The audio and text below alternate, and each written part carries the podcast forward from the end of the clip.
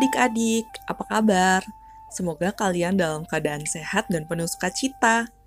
Hari ini kita akan kembali mendengarkan renungan. Sebelumnya, mari kita bersatu di dalam doa. Ya Tuhan, terima kasih untuk hari baru yang sudah boleh Tuhan perkenankan kami jalani. Sebentar kami akan merenungkan firman Tuhan. Tolong berkati kami ya Tuhan.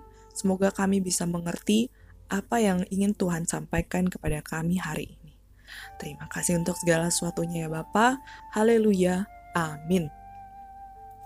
Nah, adik-adik, bacaan firman Tuhan hari ini diambil dari Matius 6 ayat 5 sampai 13. Matius 6 ayat 5 sampai 13 adalah demikian. Dan apabila kamu berdoa, janganlah berdoa seperti orang munafik mereka suka mengucapkan doanya dengan berdiri dalam rumah-rumah ibadat dan pada tikungan-tikungan jalan raya, supaya mereka dilihat orang.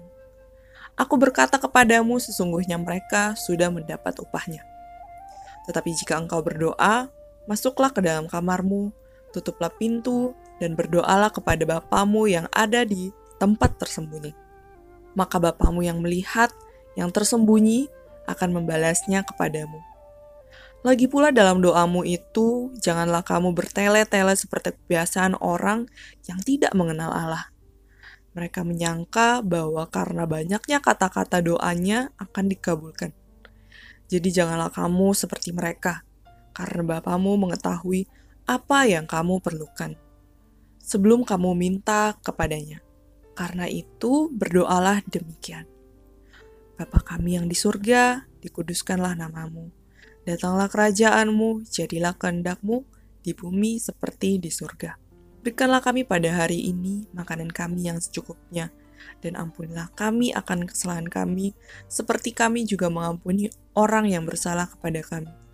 Dan janganlah membawa kami ke dalam pencobaan, tetapi lepaskanlah kami daripada yang jahat.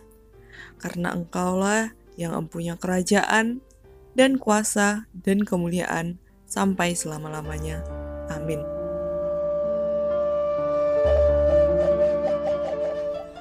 Nah, adik-adik, pada suatu hari, Mama Bintang dan Bintang sedang bercakap-cakap. Pakai maskernya Bintang, seru Mama kepada Bintang berpamitan. Aduh, Ma, masa olahraga pakai masker sih? Kan Bintang susah bernafasnya. gitu nanti, susah. Protes Bintang. Masker itu untuk melindungi dirimu dari virus corona. Mama menjelaskan. Halah, Tuhan tuh pasti melindungi Bintang dari virus corona kali mah, kata Bintang.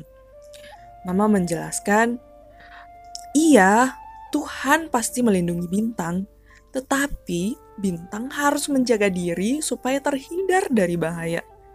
Bila kita tidak menjaga diri kita sendiri, berarti itu mencobai Tuhan. Waduh, oke mah, oke mah, siap, seru Bintang. Akhirnya, Bintang pun pergi berolahraga sepeda dengan memakai masker. Mama mengizinkan Bintang bersepeda dengan hati yang tenang karena Bintang mau menjaga diri. Nah, adik-adik ada dua pertanyaan nih. Yang pertama, kira-kira apa alasan Bintang tidak memakai masker ketika bersepeda? Hmm, kenapa ya? Hmm, alasannya sih kayaknya karena akan sulit bernafas. Padahal, kalaupun itu karena corona, pasti Tuhan sudah melindungi. Begitu kali ya adik-adik? Menurut adik-adik, seperti apa? Nah, pertanyaan yang kedua, apa saja yang adik-adik lakukan untuk menjauhkan diri dari pencobaan? Hmm, apa ya? Kalau ingat-ingat kisah tadi sih, Mama menyarankan Bintang supaya memakai masker walaupun kita tahu Tuhan pasti akan melindungi kita setiap saat. Ya, memakai masker adalah salah satu contoh untuk menjauhkan diri kita dari pencobaan.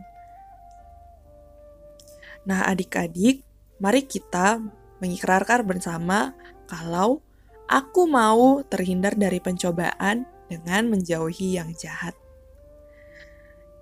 Demikianlah renungan firman hari ini. Mari kita bersatu di dalam doa. Bapa di surga, ampunilah kami karena sering gagal untuk menjauhi yang jahat. Ajari kami untuk mampu menjaga diri kami. Terima kasih ya Tuhan, dalam nama Tuhan Yesus. Amin. Nah, adik-adik, demikian renungan firman Tuhan hari ini. Sampai bertemu di renungan hari esok. Bye bye.